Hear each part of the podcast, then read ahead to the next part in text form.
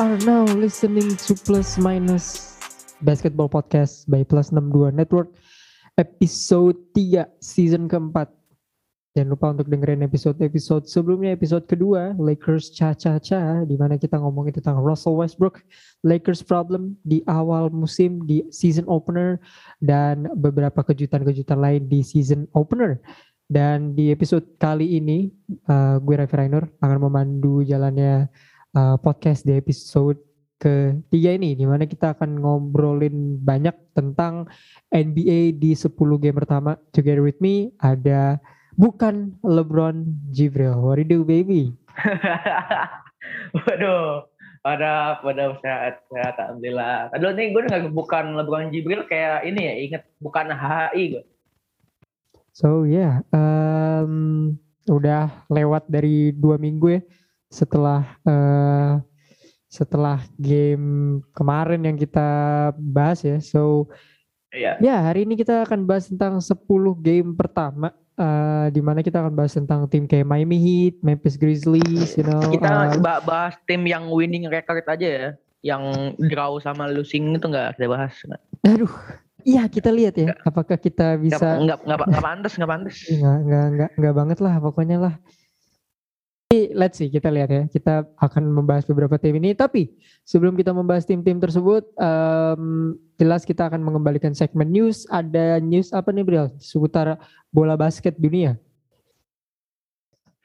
Ini masuk news pertama ya. Eh seperti yang pernah gue sampaikan di dua episode sebelumnya, gue sudah berpindah ke basket lokal. Eh selama dua bulan ini ya, IBL atau Indonesian Basketball League eh sudah melaksanakan eh yang pertama ada IBL Rookie Combine. Jadi sama kayak mungkin sama kayak NBA Rookie Combine ya. Ya, betul. Dan di di IBL Rookie Combine ini nama-nama kayak Yesaya, Ali Bagir, kemudian ada Fernando Manansang yang di PON Papua kemarin bersinar ini mulai apa beradu skill lah ya di Rookie Combine untuk bisa merayu tim-tim IBL mau mengambil mereka gitu. Betul, betul. Terus ada juga satu nama yang menarik Ray. Ini menarik perhatian gue banget. Di Siapa IBL Rookie Combine kemarin ada nama Michael Andreas. Ini, Oh, ini lu pasti tahu nih temen, siapa temen kita ya, Iya, temen kita kampus temen ya. Kita, betul. out. Shout out tuh. Shout out buat Michael, semoga sukses di IBL ya. Semoga lu masuk tim-tim kayak SM, PJ. Betul, Jangan betul. lupa kalau ke kampus bawa oleh-olehnya. Oh by the way Bril, sorry gua potong. Gua kan nonton Rookie Combine ini di channelnya Rocky Padilla kan ya. Terus Oh, ya. eh Michael kan di samping kita tuh tinggi banget ya. Kayak tinggi banget Iya, dah pokoknya. betul. Tapi di betul. Rookie Combine tuh dia average gitu loh. Kayak nggak tinggi-tinggi Iya. banget gitu. Memang Ah, mainnya masih iya. di paint. Tapi ternyata tidak tidak tinggi-tinggi amat ya dari Rookie Combine. Iya. Gue cukup terkejut. ya, dia dia kalau di IBL itu masuknya 34 lah. Oh begitu. Ka- tingginya dia kan sekitar 187 Iya ya, betul kalau nggak salah betul ya. Betul. Di di IBL 187 itu small forward, power forward ya kayak Kevin Damn. Moses, kayak Arki gitulah. Damn. Tinggi banget aslinya nih by the way untuk uh, yang dengerin ya fans misalkan IBL. lagi Michael kita tuh kalau lagi di, dia, di kampus ketemu ketemu dia tuh man eh, he's damn tall ya. gitu tinggi banget gills gills gills Ya, Pokoknya syarat buat Michael ya. Sir. Semoga uh, bisa menjadi pemain universitas pemain IBL pertama yang merupakan lulusan Universitas Budi Luhur. Hmm, betul Amin. betul syarat dan ya eh, cukup menarik sih ngelihat lu bisa nonton deh di channel Rocky Padilla ya, tentang rookie combine ya pemain-pemain muda yang eh, apa yang excel di di tahun ini gua ngelihat ya saya jelas ya eh, buat lo yang udah nonton Jelas. Indonesia Patriots pasti tahu orang ini ya yang agak-agak seleb-seleb ya pasti tahu ya saya juga so ya eh, seru sih seru seru seru ada ada apa lagi nih di di luar rookie combine Sebenarnya nanti kalau nggak salah tanggal 6 tanggal 6 November kemarin ya harusnya ya apa akan ada nanti IBL draft untuk pemain asing Ray. Jadi oh eh, IBL musim nanti akan memasukkan kembali pemain asing tapi peraturannya berbeda. Oh, Kalau di musim-musim sebelumnya kan pemain asing kan boleh boleh dimasukin berapapun misalkan. Jadi kalau misalkan satu tim punya pemain asing 5, lima limanya dimasukin ke lapangan sekaligus boleh. Kalau di musim depan itu pemain asing hanya boleh dimasukkan satu dalam waktu yang bersamaan. Jadi nggak Yep, boleh ada yep. dua pemain. Jadi satu tim nggak boleh memasukkan dua pemain asing dalam waktu yang bersamaan. Gitu. Tapi ini gue mau nanya ke Dudu dulu deh ya. Eh, kalau lu kan mungkin kan menganggap eh, dengan kehadiran pemain asing ini kan eh, satu entertainment untuk basket lokal kita ya. Kalau Ya. gua kan enggak, gua tuh gua tuh lebih suka lihat pemain-pemain lokal ya paling penting naturalisasi kayak Jamal Johnson lah. Ya, ya. Menurut lu apakah kedatangan pemain asing ini akan membuat basket lokal kita balik lagi ke kayak 2020 atau 2019 yang banyak entertainmentnya, hiburannya atau justru malah lu melihat di sisi pemain asing ini akan malah menutup chance pemain lokal kita yang musim lalu bersinar sekarang malah tutup lagi gitu. Gimana menurut lu? Eh, setahu gue tuh lu kemarin bilang kalau IBL musim lalu tuh nggak ada pemain asing ya? Correct me if I'm wrong. Iya, Eh, cuman ada Betul. pemain naturalisasi. That's why Jamar Johnson bisa eh, dominating throughout the season. betul. Tapi gue sendiri sih lebih suka dengan eh, apa ya? Dengan pemain asing yang ada di IBL sih karena memberikan dimensi sendiri. Tapi tidak menutup fakta bahwa gue lebih suka melihat perkembangan pemain lokal juga sih. Tapi dengan adanya pemain Hmm. asing, Bril, menurut gue akan lebih memacu aja sih. Tergantung dari pelatihnya ya. Gue gue tahu pelatih Iya, iya. mana pun pasti maunya pakai pemain asing di ya, compare menggunakan pemain lokal. Tapi apa ya? Iya, iya. Harus ada adjustment sih di antara apa ya? Mungkin kuota pemain asing tuh setiap tim itu 2 sampai tiga pemain. Eh, bahkan pemain yang mungkin mungkin ya di liga lain jadi bench player di sini mungkin jadi starter ya itu kan jadi Hmm, jadi bisa. salah Betul, satu betul. hal yang agak-agak kasihan gue ngeliatnya ke pemain-pemain lokal. Jadi, I don't know, mungkin kuota dua pemain dua pemain eh, asing per tim sih itu itu menurut gue paling make sense ya. Jadi ya pemain-pemain asing ini secara work ethic bisa digunakan ya di latihan melawan pemain-pemain lokal. Jadi pemain lokal nggak ketutup. Paling main di mana sih pemain asing small forward kan rata-rata paling beberapa point guard kayak Jaron Cram dulu ya eh, main Iya, di iya, betul, point betul. guard, terus Gary Jacobs di shooting guard. Jadi Iya, betul ya betul. rata-rata mainnya sebagai shooter sih, jarang banget yang ada eh, passer atau eh, sh- rebounder iya, kita iya. juga punya. Jadi menurut gue sih, gue nggak tahu ya, kalau tadi kata lu kan ada beberapa kuota, tapi menurut gue paling make sense per tim tuh cukup dua aja lah. Itu itu Hmm, udah udah cukup entertaining kok. Soalnya kita udah punya banyak naturalisasi. Siapa tahu Marcus Bolden mau main di sini tahun depan. Ah, Karena dia sekarang lagi di Ah, tapi NBG iya League ya. sih, lagi lagi NBJ League ya. Turun mulu nggak jelas, kadang di Utah Jazz, kadang di ini, sekarang di NBJ League. kayak kayak kayak ngartis gitu di mana-mana ada. iya, iya. Ini kita lanjut ke ini slow news aja sih. Slow news, betul. Slow news IBL. Ini news berikutnya datang dari tim yang gagal masuk IBL. Aduh gagal masuk ada soalnya ini nggak tahu nih. Ini nama timnya adalah Lovre Indonesia. Yes, sir. Dulu Lovre Malang, tapi sekarang karena mereka bergabung dengan ASEAN ASEAN ya Basketball League, Liga Basket Asia Tenggara ya. Ya, betul. Namanya berubah jadi Lovre Indonesia. Ini gue nggak tahu apa yang terjadi di antara pejabat-pejabat perbasi, kenapa lebih memilih tim seperti EVOS yang isinya gamer semua masuk ke IBL dibandingkan Lovre karena Lovre kan franchise udah cukup ternama lah ya. Betul, betul. nggak tahu apakah EVOS duitnya lebih banyak atau gimana gue nggak tahu sih ya itu kan permasalahan yang sering terjadi di Indonesia gitu tapi ada satu nama yang membuat gue tuh yakin kalau IBL tuh musim nanti akan terlihat lebih beda dibandingkan musim musim di mana dia bermain di IBL namanya adalah Daniel Timothy Wenas pemain basket dengan followers Instagram terbanyak di Indonesia ya Uh, bergabung dengan Lovre Indonesia dan akan berkompetisi di ABL. Gue mau nanya dulu sama lu, Rey. Uh, Lovre ini kalau nggak salah masih belum mengumumkan final rosternya untuk bergabung di IBL, di ABL final roster itu belum belum kekumpul ya. Kalau nggak salah masih Daniel Wenas doang yang dikabarin. Menurut lo akan sejauh apa Lovre ini bisa keep up di ABL? Karena kan kita tahu ya pemain-pemain Indonesia yang lain tuh semuanya pada main di IBL kan. Betul, Pemain betul. jagonya pada berkompetisi di IBL. betul. Ya Arki, Prastawa, Abraham Damar Gerahita. Menurut lu akan sejauh apa ABL yang eh Lovre yang dipimpin oleh Daniel Wenas ini bisa berlaga, berlaga di ABL menurut lu? Aduh, gue tidak bisa menjawab banyak ya, cuman eh, karena banyak liga-liga domestik di ASEAN tuh udah mulai fokus. Jadi sebenarnya gue agak bingung dengan apa ya ABL nih sebagai apa gitu. Apakah dia cuman menjaring tim-tim ASEAN terus di compete terus selesai gitu aja gue masih belum paham karena dulu CLS Hmm. yang pas mereka juara gue juga ngikutin sih di di playoffsnya ya.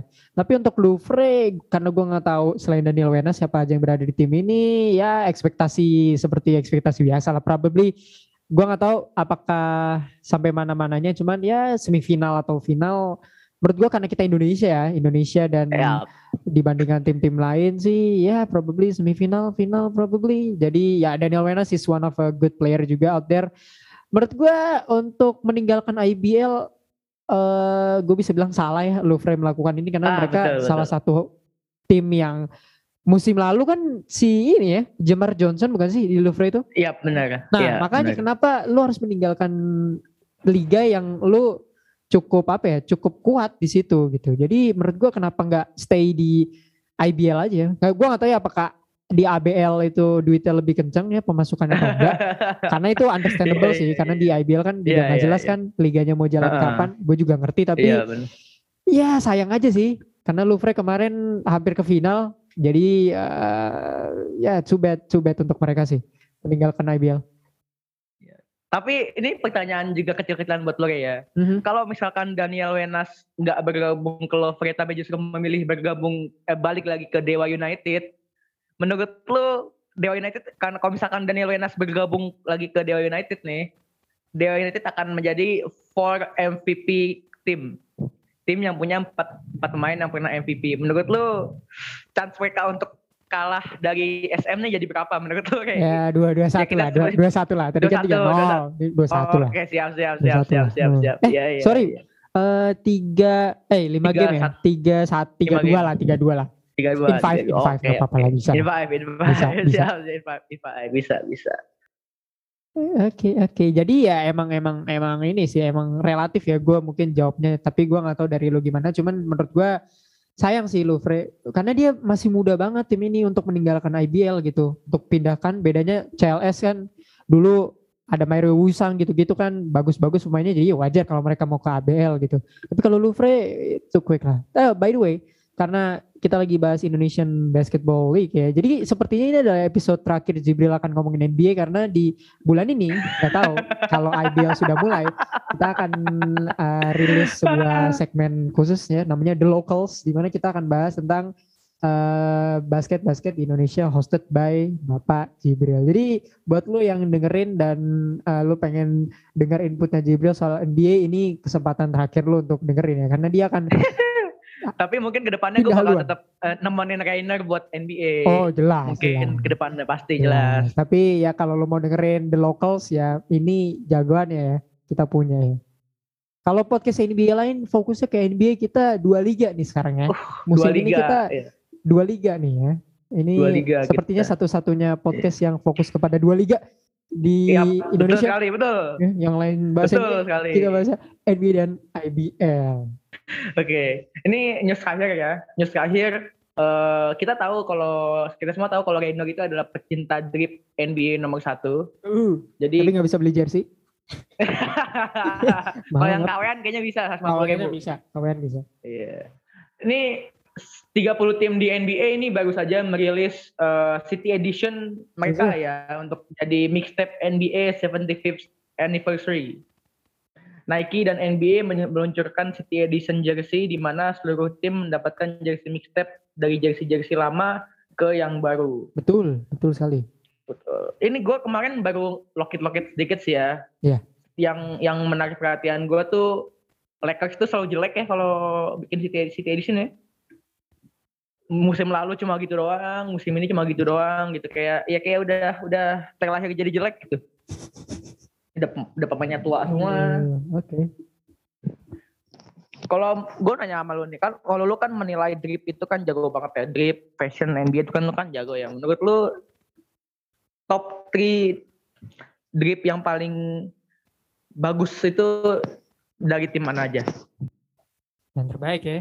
Hmm, menurut gua, gua kasih tiga lah ya. Yang gue lihat sih jelas yang pertama ya obvious ya Miami Heat itu jersey-nya menurut gua kalau musim lalu kan mereka gradient gitu ya.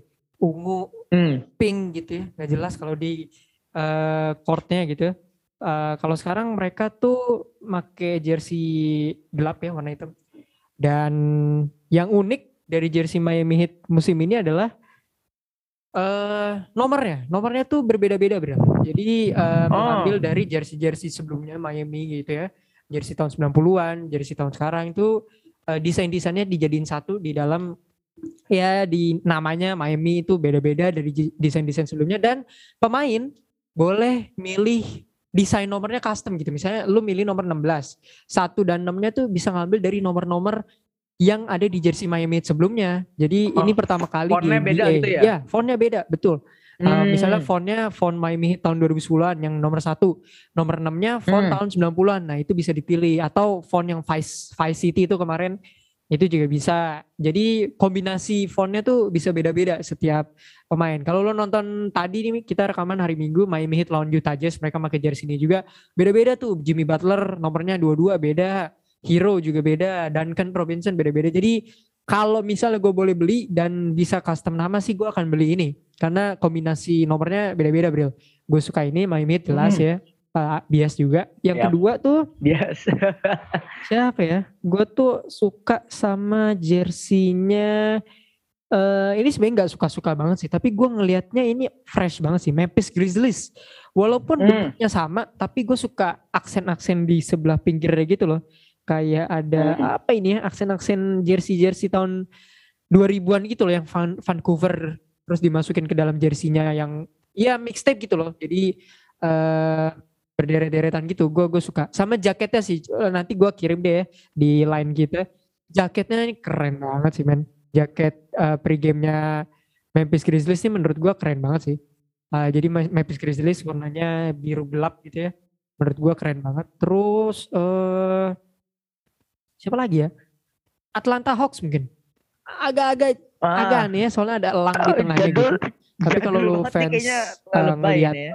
jersey-nya di Kimbe Mutombo dulu yang ada pelangnya ya itu ngambil dari situ. Tapi ini warnanya kuning so menurut gua salah satu mixtape terkeren sih Atlanta Hawks oke sih. Eh, nomornya Oh, fontnya juga oke. oke. Brooklyn Nets juga mereka ngambil dari New Jersey Nets ya fontnya. Jadi ya cukup old school juga 2000-an jadi it's it's good it's good. Tapi yang jelek tuh plain tuh Warriors sih. Warriors warnanya hitam gitu jembatannya doang kayak gitu doang gitu. Jadi menurut gua agak aneh. Sama ini sih dua jersey ya Phoenix Suns sama Utah Jazz. Itu sebenarnya jersey mereka tahun lalu gitu jadi cuman ada 28 Ya, jersey nggak- baru. nggak ada perubahan. Ah, Iya benar dua benar. jersey ini uh, Phoenix Suns tuh tetap tetap pakai yang The Valley tahun kemarin. Yang mereka pakai Iya. di final warna hitam. Utah Jazz masih yang oranye. Jadi menurut gue sayang sih dua tim ini padahal mereka punya rich history misalnya Utah Jazz bisa make kayak desainnya Carmelo yang dulu lu tau sih warna ungu gitu kan itu kan keren ya Ah iya iya. atau Bisa, Phoenix bisa. Suns uh, make desain yang warna ungu yang ada basketnya gitulah uh, yang dipakai Charles Barkley dulu itu keren sih tapi menurut gua itu tiga Miami Heat, Hmm. Memphis Grizzlies, Suns sama Hawks ya. menurut lu Oke, gimana? iya. iya. Kalau menurut gue sih eh sebenarnya gue desain Suns yang ini suka ya, cuma mungkin karena udah pernah dipakai jadi Iya. bosan aja ya. betul. Kalau menurut gue yang jelek itu Lakers sama Kings. Oh, oh Kings Soalnya keren sih menurut tuh- gua. Kings keren sih. Ah, kalau gue tuh apa ya? Gue tuh justru malah lebih suka desainnya Warriors yang sekarang gitu. Oh, Kayaknya Oh, minimalis tapi oke cool Oke. gitu. Karena gue susah sih ngejelasin ini gue ya. Cuma Lakers sama Kings tuh kayak simple banget kayak Iya, iya. nggak peduli desain ya. Kalau misalkan nggak peduli desain tapi mainnya bagus ya oke lah. Tapi ini desain jelek, main jelek, jadi kayak nggak pantas aja gitu. betul, Ada betul. Houston Rockets juga yang ngambil desainnya Hakim Olajuwon, Betul, ya kan. warna ungu itu ya, keren banget sih. Gitu. Sixers pakai lampu Sixers pakai desain lampu lalu lintas, tuh ada merah Eh, kuning lampu hijau. lalu lintas. Iya, iya, Iya. Tapi mereka sombong soalnya sekarang lagi menang 7-2 nih. Rekornya lagi Betul, 7-2 betul. sombong jadi. Tapi eh, menurut menurut gua gua paling jelek sih Wizard ya, sorry. Wizard tuh nggak jelas banget sih. Kalau tadi lu bilang kan Lakers ya. Wizard tuh menurut gua apaan sih ini jersey tahanan apa gimana nih? jadi tahanan. Tapi kalau gue pribadi ya, gue tuh karena gue pencinta warna biru ya, oh Charlotte Hornets ini Oh, yang yes, paling sir. menarik perhatian gue sih. Ini Damn. birunya cool banget gradasinya gitu kayak sisik-sisik ikan gitu kayak gimana sih keren banget Betul. nih Betul, betul. iya betul ini emang cool banget sih emang nih Cocok dipakai pemain-pemain ganteng kan? Soalnya ada Hayward, Asik, Oubre, iya, betul Melo, cocok ya. Aduh, cocok. Emang ganteng. emang emang tim tampan ya. Tim tampan. sih kalau misalkan ada penghargaan untuk tim tertampan nih, Charlotte Hornets pasti menang 100% ini. Facts, facts bro. Facts. Ah. Oke. Sebenarnya Miami Heat juga bisa ya, cuma Miami Heat ada pemain-pemain yang nggak terlalu tampan kayak. Mbak Mari Bayu, Nggak apa-apa, nggak tampan. Yang penting DPOY musim ini. DPO ya siap. Amin, siap siap siap. Oke, Miami Heat oke. juara ya musim ini. Ah, ya. bisa lah, bisa. Oke, oke. Itu aja newsnya, by itu, itu dari news yang gua bawain ya.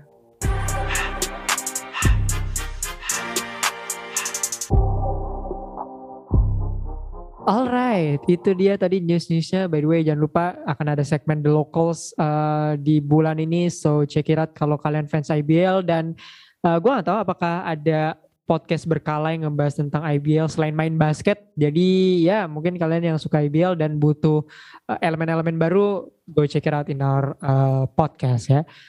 Eh straight to the topics tadi udah sekitar lebih dari 20 menit kita ngebahas news. So ya ya daripada bahas NBA NBA terus kan bosen ya.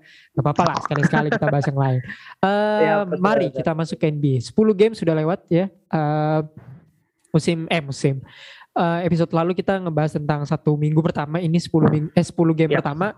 Eh tadi kita udah sebut tim ini di bagian jersey-jersey Miami Heat. Eh sejauh ini mereka adalah salah satu yang terbaik di wilayah timur dan bahkan di NBA ya rekornya 7-2. Musim lalu ah, dibantai 4-0 lawan Milwaukee Bucks di playoff tapi mereka bisa bouncing back. Pertanyaan pertama Bril menurut lo Milwaukee Bucks yang jatuh ya. Nah, enggak sebenarnya enggak jatuh-jatuh amat sih. Mereka cuma slow start aja sih Bril menurut gue sih. Oh iya iya. iya. Sotoy aja nih gitu kayak ah pura-pura pura-pura slow start aja. Tapi Miami Heat sejauh ini top 3 defensive team di NBA eh, mampu execute di offense dan defense dengan sangat baik. Buktinya Jimmy Butler, Tyler Hero dan Bam Adebayo averaging 20 points per game nih tiga-tiganya sejauh ini yang gue tahu ya. Eh, menurut lu seberapa oke timnya Miami Heat compare sama tahun lalu gitu? Mereka bisa sustain gak sih dengan hot startnya mereka eh, musim ini? Hmm. Eh ya kalau misalkan dari stats dan dari ya dan dari rekor juga ya. Dari rekor, pun mereka hot start ini eh, hot start itu kan salah satu andalan tim-tim di liga mana pun olahraga mana pun ya untuk tetap bisa bertahan di liga kan. Karena kalau misalkan udah slow start udah sampai pertengahan liga itu rekornya masih kalah buat naikinnya lagi susah. Jadi biasanya tim-tim tuh hot start dulu di awal abisin dulu baru di akhir nanti ya so-so lah setengah-setengah gitu kan. Soalnya Betul. kalau misalkan di awal-awal jatuh di akhir di akhir-akhir belum tentu ada kemungkinan menang gitu. Dan menurut gue ya eh pencapaiannya hit di musim ini jauh lebih baik daripada musim lalu sih ya. Meskipun memang lebih bagus 2020 2020 tuh pokoknya musim hit paling the best lah ya.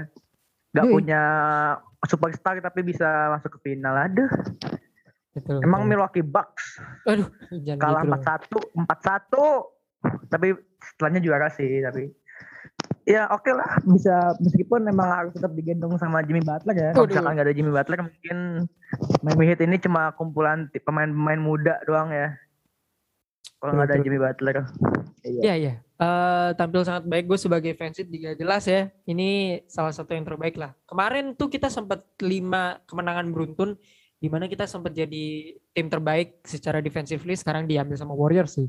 Tapi um, ya we we playing pretty great ya. Defensive ratingnya Miami Heat top 5 in the league 101,3 offensive ratingnya itu top 3 in the league. Jadi kita top top top 5 lah dari dari uh, net ratingnya kalau digabung ofensif dan defensif tuh Miami Heat nomor 2 di belakangnya Warriors ya. Jadi ya ini tim yang cukup balance lah dari defensif dan ofensif apalagi dengan kehadiran Kyle Lowry. Pas kita rekaman nih Kyle Lowry triple double lawan Utah Jazz triple double pertama. Jadi ya gue seneng lah sama tim ini gitu. Ibaratnya gimana ya? Gue sempat skeptis kan gue bilang wah ini Bam Adebayo main di center gue nggak pede nih. Ternyata Miami Heat surprisingly adalah tim terbaik kalau ngomongin tentang defensive rebound gitu. Rebounding per game itu nomor satu, Bril. Jadi sepertinya tidak buruk-buruk amat starting Bema Bayu di center. uh, Iya, iya. Jadi beda sama, ini. tim sebelah tuh Oh siapa tuh? yang starting Eddie di center. Jangan gitu dong. Sekarang sakit perut dan yang Iya sakit perut. Padahal masih ada DeAndre Jordan sama Dwight Howard gunanya buat apa? Ah, iya makanya. Tapi balik lagi ke Miami Heat, menurut gue mereka sustain banget, gue pede banget karena tim ini tuh gak usah kita ngomongin offense ya. Ini defense aja lu bingung mau mau ngelewatin Butler sama Lowry dulu. Walaupun kadang dieksploitasi di sisinya Duncan Robinson ya. Gue tuh agak emosi banget kemarin lawan Celtics tuh kita ketahan 78 poin gara-gara Duncan Robinson tuh bau banget dan dia dieksploitasi terus di defense. Tapi sekarang ya gue gua cukup cukup apa ya cukup seneng lah sebagai hit nation ini bakal sustain banget ya karena ini tim yang two way two way play gitu loh Brel Hmm, defense sama offense Iya iya iya. bagus banget menurut bagus. paling yang agak apa ya yang agak gue khawatirin sih di sisi kedalaman bench khususnya di big man Hmm. tuh agak worrying sedikit karena Dwayne Dedman kan udah agak tua tapi dia produksi produ- produksi good number of rebound ya terus PJ Tucker gila sih gue seneng banget sih sama acquire PJ Tucker ini dia tuh udah kayak Miami Dennis Rodman lah udah udah lompat-lompat ke mana-mana gitu jadi ya gue gua gua gua gua seneng Un- underrated star player ya. Ini James Harden nyesel sama dia. nih. Oh, nyesel banget. Menurut gue Milwaukee Bucks sih. Nyesel nggak memperpanjang kontrak dia. Aduh, iya. Gila. Lu buang PJ Tucker walaupun gue sama Jibril sempat bilang dia bang abang jualan sepatu ya. Tapi dia dua musim belakangan ini sudah menunjukkan kualitas dia sebagai knockdown three dan a very decent eh, defender lah. Jadi gue senang sama Miami. iya. ini ini tim oke banget.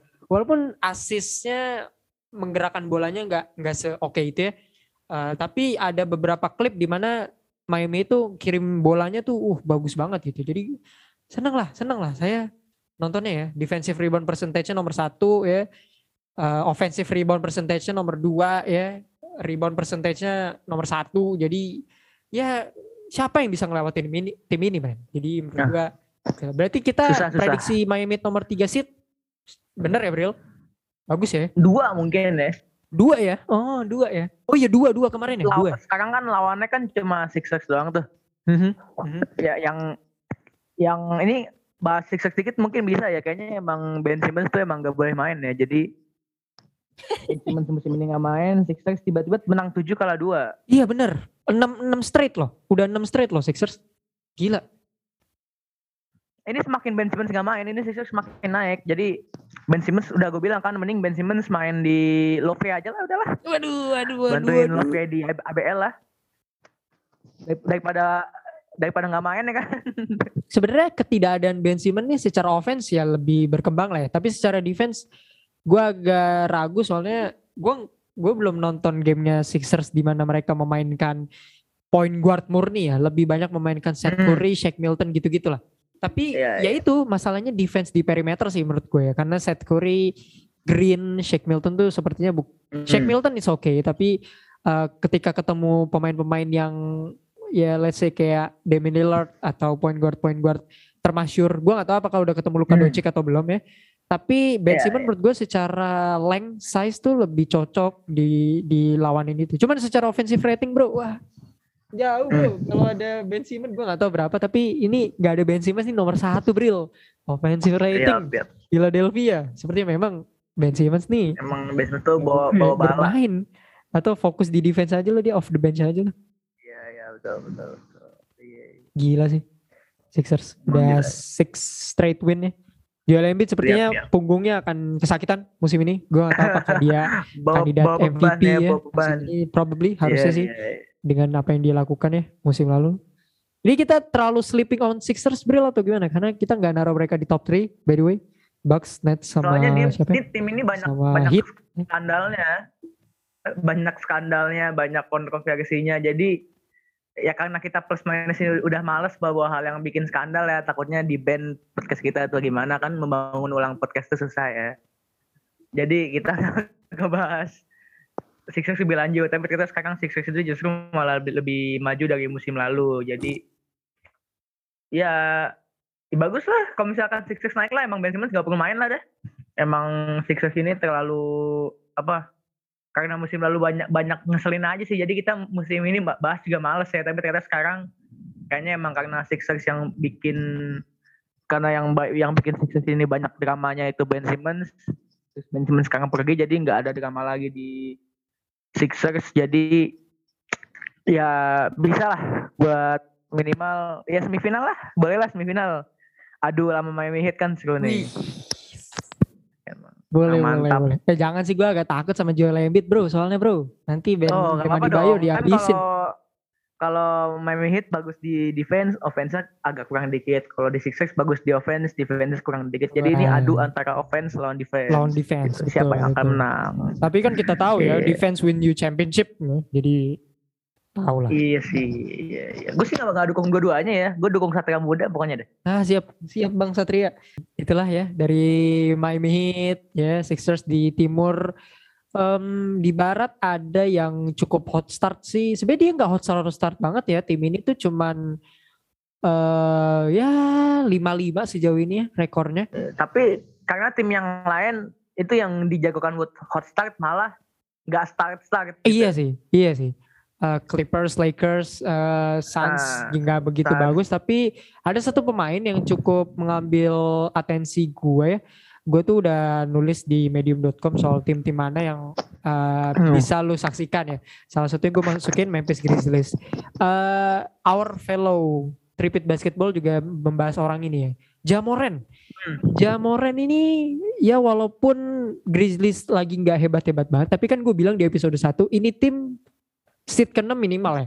Karena Hmm. ya he's one of Iya iya. kalau kita ngomongin MVP early early Iya. banget ya MVP early banget. Iya iya. Ini tuh Jamoran tuh gila sih menurut gue. 25 points per game ya, 5 setengah rebound, 7 assist.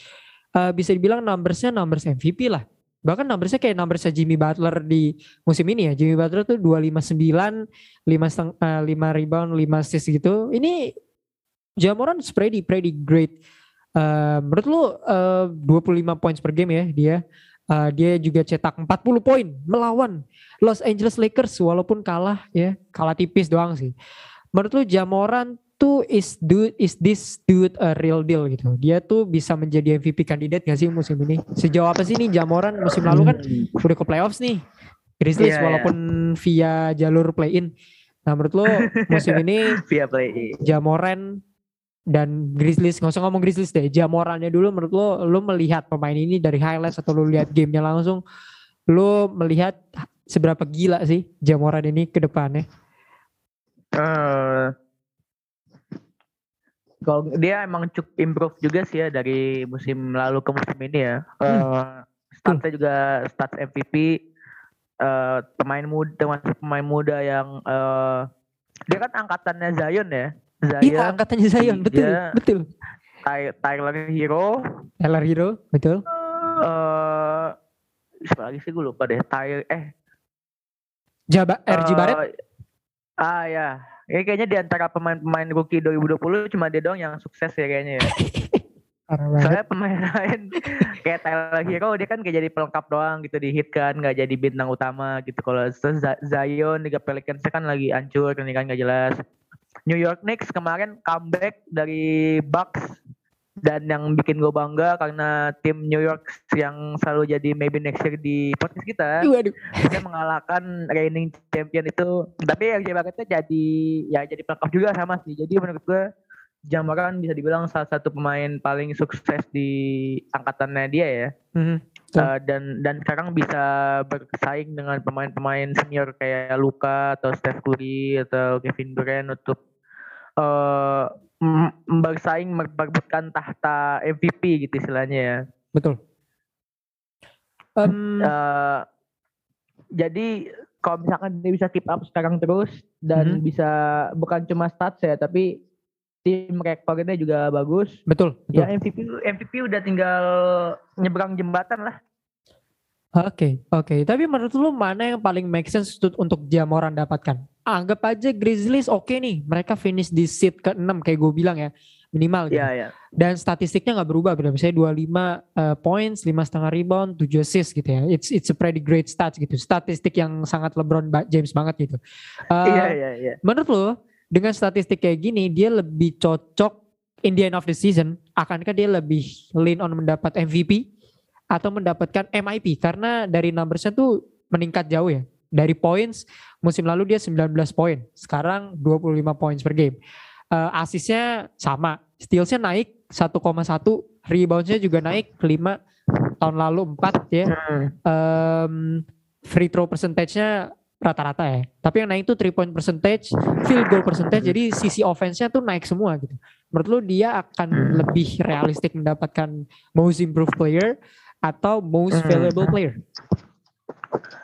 Kalau gua sih lebih realistis dia bersaing di MVP ya karena MIP itu kan bukan dari eh, tinggi poin tapi dari tapi dari eh, gap antara poin di musim sebelumnya pokoknya improve, improvement antara stats eh, stats di musim sebelumnya sama stats di musim sekarang tuh gapnya berapa banyak. Mhm. Kalau misalkan ada pemain yang bisa improve ya 10 poin 10 10 poin per game, improve 5 rebound per game itu Jamoran udah, udah pasti kalah. Oke. Soalnya pemain kayak eh, ibaratnya kalau di NBA itu siapa ya yang eh MIP itu eh wah eh, Pascal Siakam lah.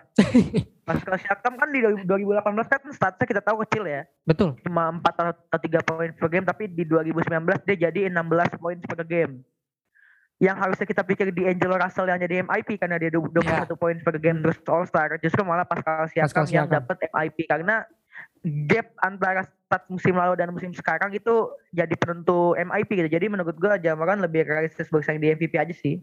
Oke. Soalnya numbers dia ini kan numbers yang realistis untuk jadi MVP kayak ya Derrick Rose, Ya, Der- Derrick Rose atau siapa Jokic, Jokic kemarin 25 points per game juga kalau gua nggak salah.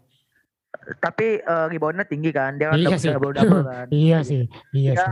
Ya, Derrick Rose sih emang emang cocok lah. Kan numbersnya Derrick Rose itu kan salah satu numbers underrated untuk jadi MVP ya, tapi justru Betul. malah jadi MVP gitu. Jadi mungkin kalau misalkan Jamoran bisa menarik perhatian fans-fans dan juga pejabat-pejabat pejabat-pejabat NBA mungkin bisa dipertimbangkan untuk top 3 MVP kandidat lah. Oke. Itu sih menurut gua. Plus dia bermain mirip banget sama Derrick Rose by the way ya. Lompat-lompat dan segala macam. Oh. Bukan Eh, abis begitu. ini, abis ini ACL lagi nih. Eh jangan dong, jangan dong. jangan dong Pak. Ini ini ini bagus ini pemain. Jangan dong, jangan. Iya, iya. Kasihan, oke. kasihan. Kita Karena comparisonnya sama Russell Westbrook aja. kalau Russell Westbrook tuh gue ngeliatnya di Aaron Fox sih. Bril. Di, ah, Oh. mungkin di Aaron Fox tuh lebih hy- oke. hybridnya John Wall sama Russell Westbrook ya. Kalau Jamoran tuh Ah, iya, iya. gue iya. ngeliatnya dia lebih apa ya? Dia tuh harus tenang aja sih. Dia kalau nggak tenang kayak Westbrook soalnya asal-asalan kadang. Tapi Jamoran sih dari sisi offense tuh dia gila. Mungkin harus memperbaiki three point shootingnya aja sih. Uh, dia kan bukan tergolong sebagai three point shooter yang oke banget, Siap, ya. tapi salah satu yang cukup improve ya. Kayak lu bilang tadi ya, the best of his class lah jauh lah. Siapa yang Iya, benar. bilang Zion lebih baik ada, gitu? nggak ada, Dari ada. Zion, enggak. Ada siapa itu? All, all star, all star giveaway dia tuh Zion. All Star giveaway, betul. Tapi ini balik lagi ya, Jamoran tuh menurut gue, kalaupun dia nggak menang MVP musim ini, ya dia harus diperhatiin lah di musim ini dia Iya, di- benar, bisa benar, averaging benar. 25 Setuju, points setuju. per game ke tim lu tuh berarti ada sesuatu yang Nah. salah ya. Karena menurut gue Aduh. mematikan Jamoran tuh sebenarnya tidak sesusah itu, tapi karena dia cepet dan gesit ya. Cara Iya. masuknya bahkan Jadi- Lakers aja kerepotan Hmm. banget. Gue gue nonton Grizzlies tuh udah Iya, dua iya. game salah satunya kemarin lawan Lakers yang dia cetak 40 poin. Itu Lakers nggak bisa stop kecepatannya Jamoran men. Dia coast to coast player cepet banget gesit gitu. Dan pinter mencari ruang, slasher juga. Jadi pretty pretty great uh, player lah. Yang hot start tuh di wilayah barat Golden State Warriors man. Golden State Warriors Ah, iya. 7-1 sejauh ini mereka cuman kalah sekali. Kalau gua nggak salah kemarin tuh kalahnya lawan. Gua nggak tahu ya pasti mereka menang lawan Iya, dua iya. LA banyak banget Curry. Yap. tampil oke musim ini 7-1 tapi yang pengen gua underline di sini bukan Curry-nya Bril. Supporting cast Bukan, di samping juga. Curry. Iya, gila ini. eh Damian Lee. Terus siapa lagi? Eh Jordan Dan Poole. Poole, kemarin Gary tuh Payton. Gary Payton 2 ya anaknya Gary Payton ya. Menurut gua the the the the kids ini anjay the kids. Anak-anak muda ini tuh gua rasa lebih baik dibandingkan anak-anak muda yang ada musim lalu ya. Musim lalu kan Brad Wanamaker Eric Pascal Kelly Oubre. Kayaknya itu musim ini lebih kohesif aja gitu. Bahasanya itu lebih lebih nyatu sama Warriors. Defense-nya lu lihat Gary Payton akhir-akhir ini kan masuk highlights terus kan Uh, defense-nya dia ngedang juga kecil loh. Padahal pemain ini tuh 61, 62 tapi dia bisa ngeposter orang banyak. Defense-nya juga aktif kayak bokapnya. Jadi Iya. this team is huge man. Nomor satu di defensive rating, nomor satu di defense ya, uh, defensive rating 19, 96. Mereka tuh dalam 5 game terakhir tuh menahan tim ti- mereka tidak kebobolan lebih dari 92 points.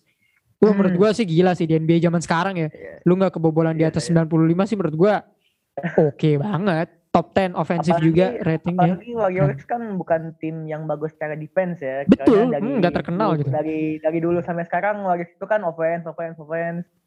Waktu zamannya lima pemain Warriors All Star ini kan yang Stephen Curry, Klay Thompson, Kevin Durant, Andre Iguodala, Draymond Green ini lima pemain ini terkenal di offense bukan Betul, di defense ya. Defense kayak kata-kata aja gitu karena emang pemainnya bagus semua jadi defense ke bawah bagus. Tapi ini tim yang ya cuma Curry doang lah. Curry, Draymond Green doang, Klay Thompson masih masih masih recovery kan dikit lagi Betul. nih. Dikit lagi dia. Tapi Betul. ini pertanyaan buat lo nih, Ray. Kalau misalkan Klay Thompson udah fit dan bergabung, menurut lo eh, mereka bakalan bisa memecahkan rekor mereka yang 739 jadi Aduh. 748 Aduh. atau mungkin 757 Tujuh lima atau tujuh. 76 766 mungkin Eh, karena ini pertama kalinya sebuah tim yang dipimpin oleh satu orang pemain tua eh, tapi yang nggak tua itu bisa 8-1 di 9 game pertama men gila. Gua nih bener-bener salut banget sama Warriors musim ini emang Ya, kayaknya gue jadi bandwagon Warriors musim ini ya. Iya iya Tapi iya. nggak iya. tahu sih, nggak tahu sih. Karena kebetulan Warriors sama satu yang muda itu sama-sama warna biru dan gue kan Oh. suka warna biru. Walah, Gitu. itu alas alasan aja. LeBron suruh ke Warriors deh sekarang mending. Eh, Wah, iya. Wah, ada kalau misalkan LeBron ke Warriors, aduh gila gila. gila. selesai. Selesai, Bro. Selesai udah. Selesai, Bro. Udah, Yang, selesai. yang main Selesai, LeBron sama aja juga udah selesai. Eh, kelap. menurut Ah, iya, iya. Warriors ini apa ya? Eh, kalau ada Clay Thompson ya.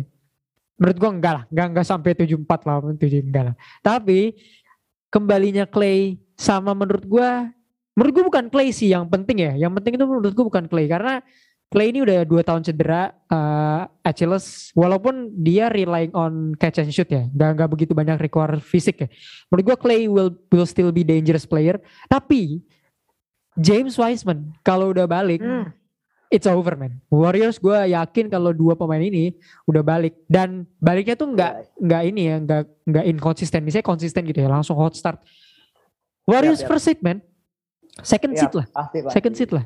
Karena gue melihat Kalau- ini tim startingnya, asik. Startingnya tuh pasti kan Curry, Thompson, Wiggins, Green, sama Wiseman. Wiseman dan lu Yap. lihat di benchnya tuh walaupun namanya bukan nama-nama superstar ya bukan nama star Jordan Yap. Poole, Lee sama Gary Payton dua nih backup yang bagus untuk Curry sih menurut gue. Curry kan sekarang udah tiga tiga tiga dua lah ya. Iya, udah Um, mulai sepuh. Iya dia kalau nggak banyak dimainin juga menurut gue nggak masalah gitu. Soalnya nggak ada Curry pun juga nggak masalah secara defense gitu. Mereka bisa biasa Warriors kan gitu ya. Uh kenceng banget di quarter 1 2 bisa leading sampai 15 poin. Ya udah habis itu lu Benar, masukin benar, pemain-pemain yang defensive fokus kayak gini. Jadi biar nggak kebobolan. Keren sih. Warriors. Iya, iya. Apalagi dari beberapa game terakhir yang jadi player of the game tuh selalu Jordan Poole mulu yang Iya. ini bahkan mungkin Jordan Poole bisa jadi MIP ya kan Betul sekali. mungkin. Betul sekali. Jordan Poole ya. sih menurut gue. Padahal waktu di 2019 eh 2000 di 2020 tuh kita tuh kayak ngeremehin nih orang banget gitu ya. Kayak nih orang tuh kayak kayak kayak nggak pantas jadi pemain bintang di Warriors lah. Waktu awal-awal 2020, tapi sekarang dia jadi improve ya, MIP lah bisa lah ya. Bentar, gue coba cek statistik Jordan Poole dari musim lalu ke sekarang ya. Karena kata lu lip lipnya kan harus jauh. Eh dibanding Jamoran, Mora tuh naik 4 points per game. Jordan Poole tuh naik 5,5 points per Ah. game. Jadi probably ya salah satu case Bisa yang lah. cukup strong. Salah satu Tapi- jadi kandidat lah ya. Saya lihat juga orang ini, Tyler Hero. Tyler Hero kan Ah. kemarin si eh, NBA Info bilang dia salah satu front runner lah. Tapi Tyler itu Tyler Hero menurut gue juga bagus gitu. Tapi dia kan mainnya off the bench. Sama kayak eh, sama kayak si siapa tadi namanya Jordan Poole. Jadi menurut gue Jamoran enggak lah. Tyler Hero sama Jo- Jordan Poole sih. Menurut gue Jordan Poole oke. 17,6 untuk Jordan Poole 17 poin per game tuh menurut gue pretty crazy. very crazy. Produksi dia tuh keren banget. Dan kalau di box score-nya NBA itu selalu dia yang muncul sekarang. Kalau Warriors bukan Curry lagi kayak kata lu bilang. Iya benar bilang. benar benar. Di play of the game tuh selalu hampir selalu Jordan Poole ya. Jordan Jadi Poole Curry terus. kayak cuma buat nembak aja gitu. bener. Ya Curry lu main nembak aja ya. Kalau yang lain kasih pemain muda lah. Makanya kenapa Jordan Poole tuh selalu muncul di play of the game gitu. Betul betul. Kadang 21 Bahkan mungkin poin, kalau- 26 keren. Kalau di ke depannya Warriors kalah pun tetap play of the game-nya Jordan Poole juga gitu. Jordan Poole juga. Jadi ya ya Kak by the way kalau lu mau tahu soal Warriors lu cek Dapsindo ya. Eh gua ngeliat Oh, iya. follow kan itu wah Jordan Poole tuh pretty crazy man. Maksudnya bukan crazy yang crazy banget tapi untuk menemani Curry itu dia pas banget. Apalagi kalau Clay udah datang backupnya pasti Iya, iya. orang ini dong. Jordan Poole tuh mungkin bisa bisa jadi six man atau MIP menurut gue MIP sih. Cuman 17 poin per game tanpa Clay sejauh ini. Wah, gila sih. Jordan Poole. Damian Lee juga sepupunya Curry bisa tampil sangat bagus. Iya, Paling yang Nemanja Bjelica, Otto Porter juga. Ah, kayaknya fit banget sih. namanya kalau Bielitsa menurut gue dia cukup membantu lah ya di sisi forward ya. Karena kan semenjak nih James Wiseman belum bisa main jadi dia yang banyak bantu di stretch Bener, bener. gitu kan rebound. Jadi menurut gue dia cukup improve dibandingkan waktu dulu-dulu waktu dia masih di Kings atau di Timberwolves gitu kan kayaknya emang ini masalah kayak cocok-cocokan gitu lah jodoh-jodohan tim ya kayaknya emang Jodoh-jodohan. Bielitsa cocok main di tim Warriors yang kurang big man jadi dia bisa ngebantu dibantu di forward gitu lah bantu, bantu rebound gitu kayak waktu Mhm. dia masih di hit kan cukup ketutup tuh sama Bang Ketutup Adebayo banget. tuh Bener ketutup banget karena Spo mainnya, kan mainnya dikit banget Iya parah. mainnya dikit dan seharusnya dia bisa diutilize jadi stretch four itu kan yang emang kemampuannya Iya. Je- Jelitsa kan emang jadi stretch four Iya. shooter gitu. Tapi sepertinya nggak working out ya di di Iya, karena tangannya. emang Spo. Spo itu nggak suka yang begitu-gituan ya Hmm, kalau Steve Kerr kan Steve Kerr kan emang ini emang suka main mainin big cuma kebetulan nggak pernah dapat center yang bagus gitu Iya betul. kayak kali betul. cuma Javal McGee doang sama ada Hmm. Marcus Cousins kan Kosisnya udah selalu- kosin sakit-sakitan lagi ya. Iya, selalu small man doang yang ngebantu. Nah sekarang nih ada big man satu yang underrated, ya bisa lah buat main rebound-rebound segala macam ya. Bahkan Mhm, point mhm. shot pun bisa bisa 10 ke atas gitu dalam satu game tuh. Yang menurut gua ini jadi tim yang lengkap lah, solid lah. Yep, yep. Keep in mind on Warriors nih bahaya men sejauh ini 7-1. Bahaya. Utah bahaya. Jazz juga 7-1 tapi ya udah gitu karena lu musim lalu udah Utah Jazz sudah bermain serupa walaupun Iya. Gue tidak bisa underestimate kayaknya kita nggak boleh underestimate tim ini lagi Bro karena sepertinya mereka uh, tampil sama bisa, bagusnya walaupun em, walaupun gimana ya kalau dilihat dari sisi permainan sih sebenarnya tidak spesial spesial amat ya tapi Donovan Hmm. Mitchell playing really good musim ini Donovan sama. Rudy menurut gue Rudy Yap. gue nggak kaget sih kalau dia defensive player of the year lagi soalnya dia bener-bener yang gue lihat ya walaupun gue sampel size-nya baru Iya, dua iya. game jazz yang gue lihat barusan tadi lawan Miami Heat walaupun di stop oleh Bam Adebayo tapi Rudy Gobert nih apa ya lebih seamless aja gerakannya. Dan Donovan Mitchell barusan 37 poin. Sepertinya tim ini tetap akan melaju jauh di regular season tetap akan top 2 seed ya paling lawannya Warriors gitu so yeah Utah Jazz man. Tapi menurut lu apakah Rudy Gobert akan memecahkan rekor menjadi pemain pertama yang mendapatkan 5 defensive player of the year? Karena setahu gue paling banyak tuh 4 ya kalau nggak salah ya. Iya empat di Kimbe Mutombo, Ben Wallace di ya. game Mutombo, Ben Wallace apa kalau misalkan dia bisa keep up kayak gini lah defensif karena kan dia emang tipenya defensif sama rebounder ya mainnya ya Hmm, nggak usah hmm. offense lah defense-nya minimal bisa dalam satu musim averaging 18 rebound per game Waduh, gitu. Kalau Gila itu kan mungkin- loh. 18 mah gila itu. Tapi eh enggak lah, enggak enggak lima. Mereka dia Rudy sejauh ini punya berapa sih? Punya tiga ya? Dua? Iya, tiga. Tiga, ya? Udah Sebenarnya bisa setara sebenarnya bisa empat, bisa bisa empat tapi kan satu kesalip sama yang Hono yang Oh, iya. juara tuh. Iya iya iya iya. Salib. iya. Tapi oke, balik ke DPOY. Gue sih pengennya Bam Adebayo lah, jelas dibandingkan Oh, Rudy iya, ya, iya. dibandingkan Rudy. Kayak gue udah bosen men, Rudy Rudy Gobert terus ya. Jadi nggak dulu CS ya.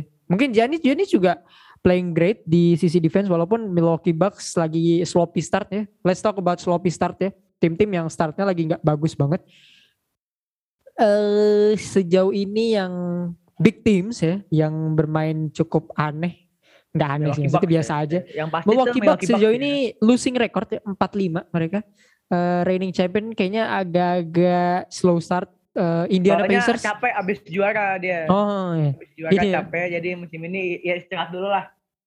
Soalnya ya men- mungkin di anggapannya Giannis dan teman-teman kita harus yang rekor di awal ya habis All Star break kita juga pasti bakalan masuk playoff lagi kok. No, siap.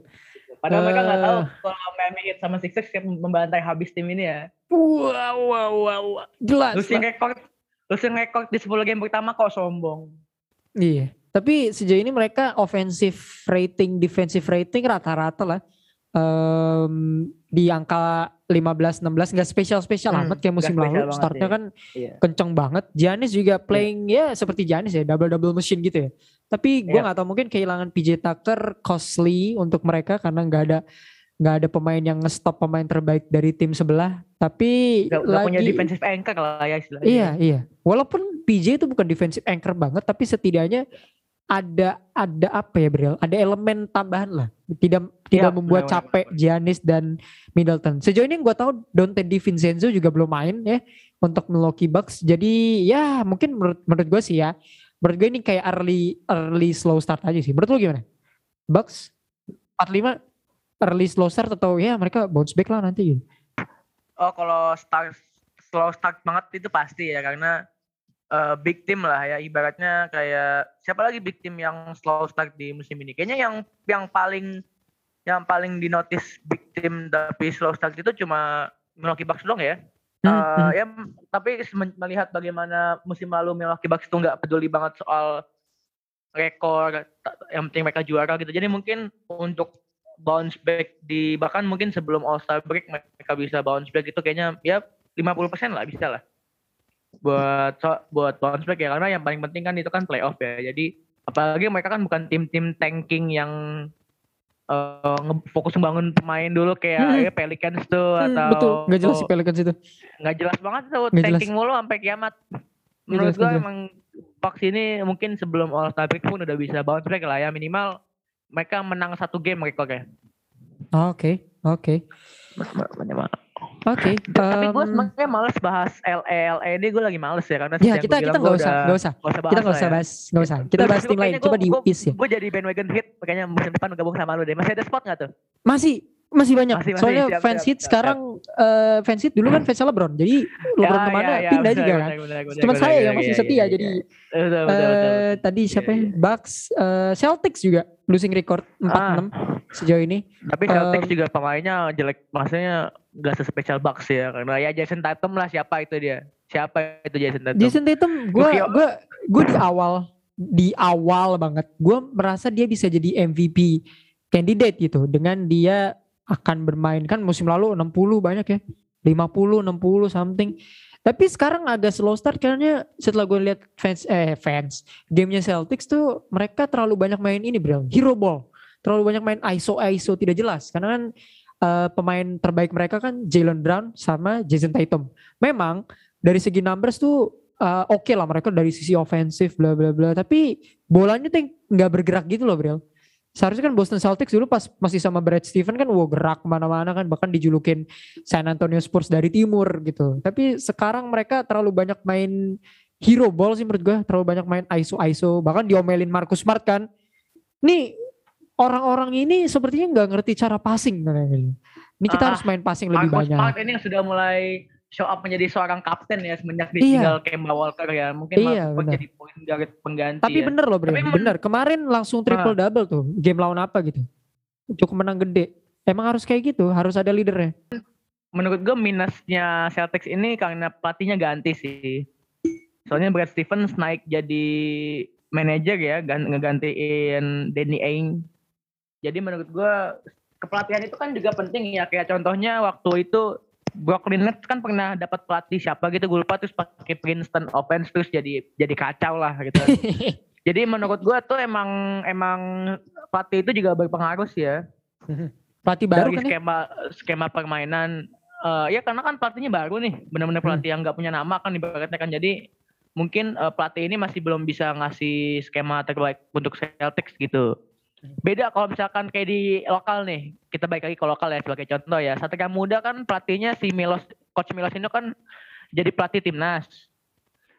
Yang direkrut oleh Satria Muda balik lagi ke staf pelatihan itu adalah coach Yubel yang dulu pernah bawa Satria Muda ke final banyak banget. Jadi menurut gua pergantian pelatih itu sangat penting kalau misalkan lu ngajak pelatih yang udah punya pengalaman banyak. Apalagi dulu pernah melatih tim ini tapi kemudian kan keluar karena alasan apa gitu terus balik lagi tuh bisa jadi bisa jadi nggak nggak banyak per- perbedaan gitu. Tapi kan pelatihnya Celtics sekarang ini kan kayak bukan pelatih terkenal ya. Gue bahkan nggak tahu siapa namanya. Jadi menurut gue staf kepelatihan ini juga penting untuk diperhatiin oleh eh, tim-tim di NBA sih menurut gue ya. Karena karena karena kan memang di musim ini ISO itu kayak offense yang udah kuno ya.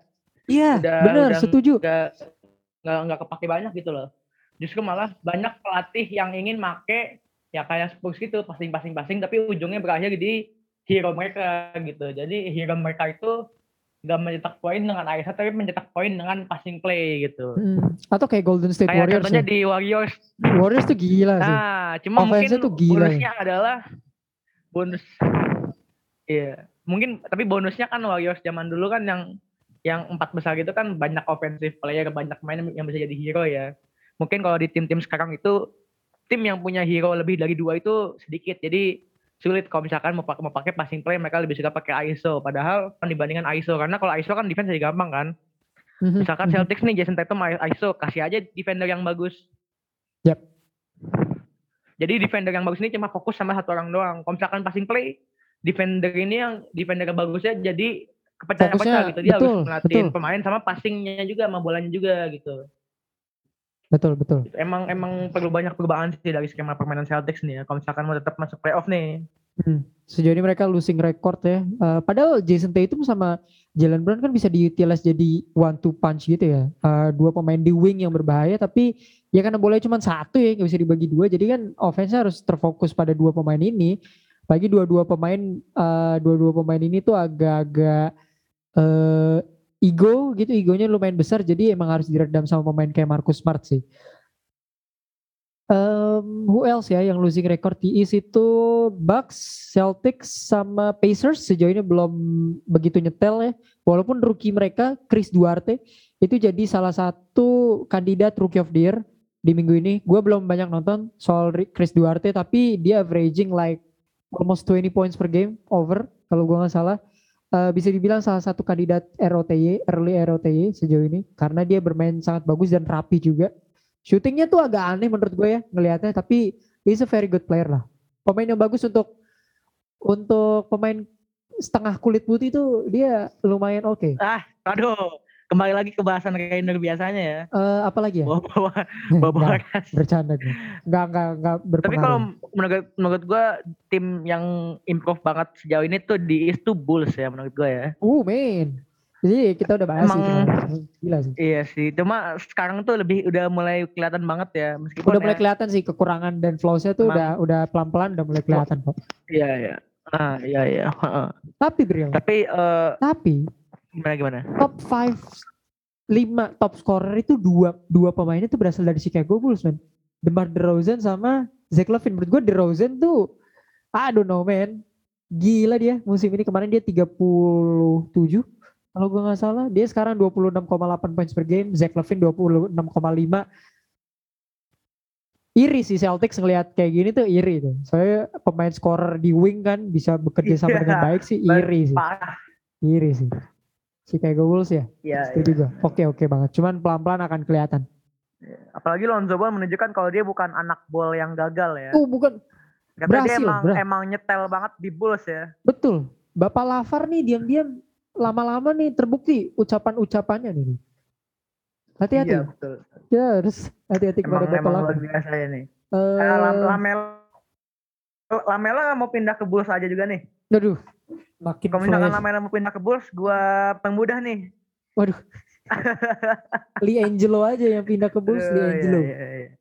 Cavaliers juga lagi bagus nih eh, startnya ya 6-4 kayak tahun lalu kita kan bikin slow start ya ada mukanya Colin Sexton nih lagi bagus juga 6-4 sejauh ini walaupun ya Cavs akan menjadi Cavs Iya, pada iya. akhirnya ya. Iya, benar. tapi sejauh ini mereka starting really really good lah maksudnya ya tidak jelek-jelek amat ya Nih, gue takutnya Cleveland musim ini tuh bakalan kayak tahun lalu kayak. oh begitu kenapa tuh Jadi bagus di awal, di di pertengahan terus ke belakangnya ya tetot tuh deh.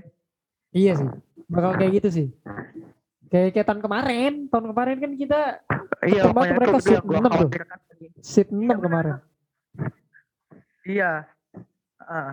Sekarang Eh, sekarang jadi jadi jadi jadi jadi jadi ya gitulah.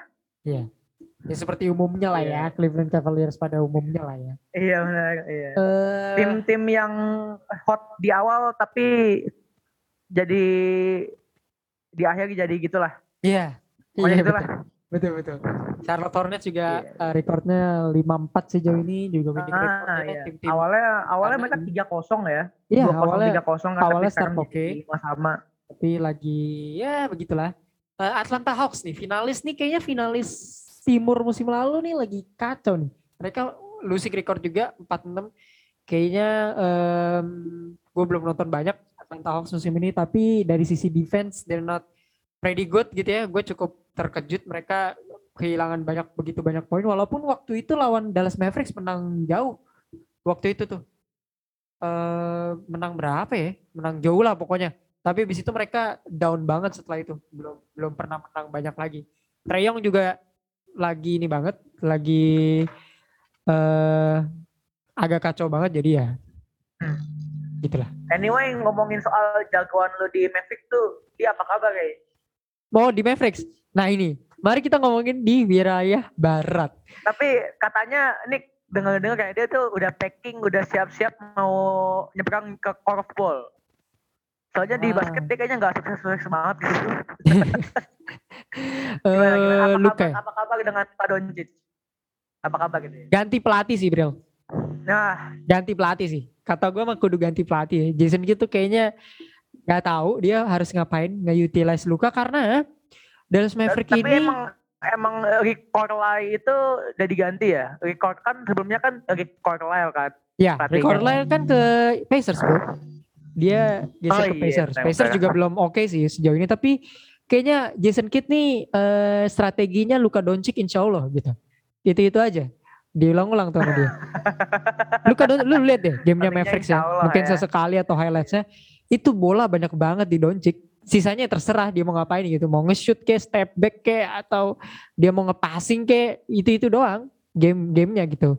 Tadi lawan Celtics menang ya. Buzzer beater winning game. Eh, tapi ya Iya, iya. ya kayak apa ya gue tuh gue nggak kaget sih kalau Mavericks nggak lolos playoff real justru gue kaget kalau mereka lolos playoffs sebenarnya kaget gue Hmm. soalnya aneh aja gitu set playsnya Nah, tuh nggak mungkin selain selain selain selain gak terlalu berfu- berfungsi juga terlalu membosankan ya buat kita fans-fans basket ya. sebenarnya membosankan tuh nggak mudah ketebak aja Bril mudah Oh. ketebak aja ya ya iya, pasti iya. Doncic udah gitu pemain lain tuh jarang banget ada yang show up soalnya Hmm. dari segi kualitas nih ya on Hmm. paper aja lu sebutin di luar Doncic sama KP Hmm. pemain yang levelnya borderline star gitu loh. Jarang banget main tim Hardaway, tim Hardaway ya kan. Gak jelas pemainnya tuh gak jelas gitu. Kayak LeBron LeBron Cavs tahun 2000-an gitu loh. Gak jelas banget. Jadi menurut gue sih kalau ya kalau Mavericks bisa ke playoff sih ya Luka Doncic bisa lah masuk ke MVP candidate soalnya gue nggak ngeliat ada pemain yang bisa nge-carry tim ini ke playoff sih aneh sih soalnya aneh banget Benar, benar, benar. Iya, iya. statistiknya sih sama ya. Walaupun Doncic nih lagi jelek banget three point shootnya jelek banget, jelek banget. Kema itu buzzer beater tuh memang kebetulan aja menurut gua bisa masuk. Tapi jelek banget ya. Kadang tuh dia bisa 2 per 7, 3 per Kebetulan 9. banget ya. Gak jelas aja gitu. Hmm. Nah, menurut lu Hmm. Mavericks ke playoff gak dengan pemain-pemain gak jelas kayak gini? Aduh gimana ya? Kalau menurut gue mah Mavericks dipindahin ke Julik aja lah udahlah. Atau enggak tukar atau enggak pelatihnya diganti atau Luka Doncic yang dikeluarin dan setidaknya kita selamatkan Luka Doncic dari Kita selamatkan. Mavericks ya. Kita selamatkan Luka. Kita Betul. selamatkan bakat-bakat muda yang hebat dari tim-tim yang tidak bisa mengangkat pemain-pemain mudanya ya. Betul. Kecuali Porzingis ditinggal lagi di Iya. situ. Ah, itu ya. Pasti Luka Trey Young ini yang kita selamatkan ini. Dari ketidakjelasan tim-tim yang nggak bisa membawa mereka menuju kesuksesan ya. Tapi ini ngomongin bagus tapi tidak sukses karena timnya jelek. Ini di wilayah barat ada lagi nih. Tim yang pemain utamanya tuh ya kayak di Afrika lah kering gitu. Kayak Aduh. di padang pasir Arab Saudi. Aduh, Kering banget. aduh. Gak ada airnya gitu. Ini Trail Blazers ini kayaknya benar-benar harus memikirkan skema trade yang bagus supaya Damian Lillard bisa selamat ya. Kudu cabut sih doi. Karena dia mencetak kata-kata 18 poin per game. Betul. Iya, iya. Kan kemarin kan baru aja LeBron James ngedatangin Damian Lillard untuk berbicara empat mata soal meninggalkan Blazers gitu. Betul. Ini ngomongin soal trade ini dulu ya. Menurut lu kalau misalkan Lillard beneran pindah ke Lakers, siapa yang harus dibuang? Lu Karena kalau masang Westbrook dan Lillard, ah, oh iya iya. Tapi ini akan membuat LeBron James terlihat bodoh nggak sih dengan mendatangkan Lillard tapi membuang Russell Westbrook? Karena kan yang mendatangkan Westbrook ke Lakers kan LeBron James juga Iya ya. sih, tapi menurut gua Apakah sih menurut lo itu akan membuat LeBron James terlihat bodoh? enggak gitu? Westbrook menurut gua enggak enggak akan pindah secepat itu enggak tahu ya. Apakah akan ada konflik Nah, di Lakers? iya, Soalnya iya, Westbrook iya. nih bener-bener apa ya, mengkhawatirkan banget lu kalau ngeliat Lakers terus Lakers nih gamenya close terus, Bril. Selalu menang tipis, menang tipis Hmm, gitu ya. bener-bener. Terus pas sudah menang tipis, Dan dia megang bola terakhir tim-tim Westbrook. lagi. Iya, kemarin lawan OKC blow up lead kan Ah. dua kali, 26 poin, 17 poin. Iya, iya. Westbrook yang shoot terakhir tuh mending jangan deh. Terus menurut gua sih Ah, jangan deh. gak akan terjadi ya. Maksudnya trade antara Lillard dan Westbrook sih katanya Lillard sih gua Iya. kaki gua di Portland katanya dia begitu. Kaki gua di Portland tapi sejauh ini Apa? dia Kaki gue di Portland. eh, kata dia begitu. Tapi sejauh Iya, ini iya, iya. gua nggak tahu ya. Katanya nih, ini katanya Dia Bril. Ini Kakinya di katanya. Portland tapi hat- hatinya di mana tuh? Katanya nih gua nggak tahu ya. Lu sebagai Katanya apa? pemain yang suka main Ah. make bola-bola berbeda misalnya Spalding, Oh Molten. iya iya. iya. Oh iya iya iya. Lu iya, merasakan gak sih kalau ganti bola tuh eh, ganti bola tuh beda gitu. Soalnya Lillard Lillard nggak kayak gitu sih. Cuman ada pemain nih Bril, pemain perwakilan ya. Namanya Paul George. Paul George nih bilang kayaknya kita pas pas ganti bola nih jadi seret ya walaupun Paul George eh, jadi top scorer sejauh ini nggak relevan perkataannya Tapi, Tapi- kalau Paul George mau pakai bola bekel pun tetap seket juga ya. tapi dia lagi bagus Bril 28 points per game Oh iya. Tapi gue aneh aja gitu. Paul George bilang kayak gitu. Nah, Damian Lillard 18 poin per game. Menurut lu berpengaruh gak sih bola Molten sama bola Spalding diganti itu menurut lu berpengaruh gak sih Hmm. dengan Kalau dengan slamnya Lillard kayak gini? Iya iya. Eh bisa jadi sih ya kalau misalkan emang bola berpengaruh ya karena ada pemain-pemain yang lebih suka pakai bola. Contohnya kalau gue kan gue pribadi lebih suka pakai bola Molten ya, bola official perbasi Indonesia. Mhm. Kalau nggak- tapi kalau nggak salah sekarang udah ganti jadi lining lupa gue. Mhm. Kalau di NBA kan sekarang udah pakai bola Wilson ya kalau nggak salah ya. Iya. Ke- Mereka udah nggak kerja sama lagi sama Spalding bener ya kalau nggak salah ya. Betul. Eh, Wilson. ya menurut menurut gue itu karena ada perbedaan dari segi tekstur, dari segi berat, dari segi bentuk, fisik, ukuran dan segala macamnya, keringanan itu yang jadi pertimbangan untuk eh, kenapa banyak pemain yang eh, field goalnya turun karena bolanya ganti gitu. Kayak contohnya LeBron James sekarang logo shoot aja susah gitu karena bolanya ganti kan. Jadi menurut gue eh, tapi kalau gue pribadi sih ya karena gue sebagai pemain basket pun pakai bola yang berbeda pun gak masalah gitu. Cuma gue nggak suka pakai bola karet itu doang alasannya. itu yang jadi pantangan gue main bola Oh, basket. Kalau oke. bola bola kulit tapi bola kulit tapi mereka kayak bisa molten lining spalding gitu gitu gue masih jago tapi kalau misalkan udah, udah pakai bola karet nih kayak bola-bola merah gitu yang gak jelas tuh bola-bola kampung gitu gue udah eh, gue udah skip lah nggak mau main lah gue Mhm, tapi mhm. kok mungkin ini yang bisa jadi salah satu ini ya eh sebab musabab deh Ci. sebab musabab. sebab musabab. musabab. pemain kayak contohnya Damian Lillard cuma bisa rata-rata 18 poin per game gitu. Tapi ini bisa bisa jadi terpengaruh sama psikis juga sih ya semenjak dia dia kan dibilang kakinya di Portland, tapi Nah. hatinya kan nggak ada yang tahu. Betul. Betul. Betul. Iya, makanya. Raga boleh Hati di orang- Portland, hati di Los Angeles bisa jadi kan. Ya, itu dia makanya tuh. Bisa jadi dia tuh di rumah lagi mikirin apa gue pindah ke Lakers aja ya. Setidaknya bisa lebih sukses lah kalau di Lakers ya kan. Minimal Betul, averaging masa seorang Damian Lillard averaging 18 poin per game. Memang dia Iya. James Harden. Masa beda Sosokan- hmm, masa sosokan beda gendut. ma- masa beda satu poin sama Jordan Poole, Damian Lillard gimana sih? Ah, itu dia aduh. 75 Iya. pemain terbaik NBA kok. Averaging 18 poin per game. 18 Gue mendingan milih Kyrie deh. Waduh. Mendingan milih Kyrie nggak divaksin nggak apa dah. Tapi emang emang emang certified point guard ya. Oh, siap, udah siap. pernah juara, All Star lebih banyak daripada Damian Lillard averaging 18 poin per game. Aduh. Aduh. Nggak bikin malu keluarga Lillard. Aduh. Cuman anak-anaknya poin ya? di musim Gak cuman poin Lillard tuh Lillard tuh jatuhnya di field goal juga 36%, three pointnya 24% Ah. three point. Gila tuh. Lillard jatuh banget sih. Gila jatuh banget dia musim ini. Aduh. Bahkan dia lawan Indiana Pacers tuh dua game yang lalu ya. Dia lawan lawan Pacers tuh dua game yang lalu kan barusan lawan Lakers nih kita rekaman lawan Lakers menang. Eh, dia lawan Pacers tuh cuma 4 poin real. 4 poin. Ah. Ah. 4. Oh, gue tahu Aduh. kenapa Bril. Gue tahu kenapa. Gue tahu kenapa. Kenapa, Gue kira tahu jawabannya kenapa Demi Lillard jatuh. Karena dia deg-degan. Dia deg-degan. Ah. Dia deg-degan main Karena- bersama presiden NBPA. Oh iya betul Betul. sekali.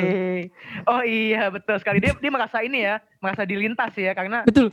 first dia justru jadi presiden NBPA gitu. Aduh kasihan, kasihan, kasihan, kasihan. Emang emang kasihan banget nih orang ya kayaknya ya. Aduh. Betul. Betul. Aduh, Sepertinya ya dia. Ya, dia emang- udah deg-degan. Pokoknya gitu. emang ya takut takut apa popularitasnya dia di Portland tuh dilewatin sama CJ cuma gara-gara CJ jadi presiden gitu. Lu mau tau nggak points per game siapa yang paling tinggi di antara Lillard dan CJ? CJ McCollum Si- 22 CJ lah, points per Ah, game. kan.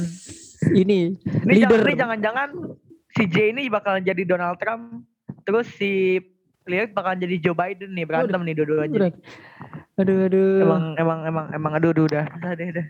Kayaknya bukan bukan CJ McCollum yang membaik ya. Ini sepertinya Demi Lillard yang memburuk ya. Dia Yang memburuk ya padahal dia si McCollum deg-degan. kayaknya biasa-biasa aja gitu. biasa aja gitu. CJ McCollum oh biasa aja kok. Lillard panik ya. Panik banget ya Lillard main sama presiden. Oke. Makanya. Iya iya iya. iya. Oke, tapi sebelum tutup Ray, eh kita eh, gua ini dari pribadi gue ya, gue ingin mengirimkan doa terbaik untuk timnas bola basket Indonesia kita yang sekarang sedang eh, terbang menuju Amerika Serikat Ray Betul. untuk menjalani training camp persiapan FIBA Asia Cup eh, FIBA World Cup 2023 nih. Ini gue bacain nama-nama pemainnya ya. Nama-nama pemainnya ada Ar- Arki Dikawinnya Wisnu, obviously. Ada Andrea Prastawa, ada Govinda Julian Saputra, Vincent Rivaldi Kosasi, Hardianus Lakudu, Kevin Yonas Sitorus, Widianta Putra Teja, Abraham Damar Grahita, Juan Lauren Koko Putra, Sandi Ibrahim Aziz, Brandon Jawato dan juga Lester Prosper. Oh, solid, solid. Ini pemain ini pemain ini minus dua. Satu salah satunya tuh Agassi Guantara yang sekarang kalau nggak salah dia lagi cabut ke Spanyol untuk melanjutkan studi S2 kalau nggak salah ya. Oh, Di baik, videonya baik, dia sama Augie Fantinus tuh kalau nggak salah itu alasannya. baik, baik. Satunya lagi minusnya adalah Muhammad Arigi yang menurut gua nggak surprising ini nggak kaget banget ya karena emang Arigi itu nggak working out di timnas ini jadi pokoknya eh, kita semua sebagai warga negara Indonesia mengirimkan doa kita yang terbaik untuk timnas ya karena seperti yang kita tahu timnas basket sekarang lagi berjaya nggak kayak timnas olahraga sebelah tuh Rey. Ah, jangan gitu dong. Nanti bater. Wah, gak bisa gitu dong. Oh, Betul, betul, betul, betul. Semangat, semangat timnas Iya, basket iya, ya. iya. Pokoknya timnas Indonesia doa yang ya. terdalam untuk timnas basket ya. Training campnya di Ya, kota mana kalau boleh tahu? Los Angeles. Eh, masih belum ada belum ada kabar sih tapi kalau nggak salah ini baru berangkat kemarin ya masih belum ada kabar di kota mana tapi yang pasti di Amerika Serikat untuk program training centernya nih Hmm, saran gue sih, saran gue Gimana, tuh training camp di kota-kota seperti Miami atau Oh. San Francisco.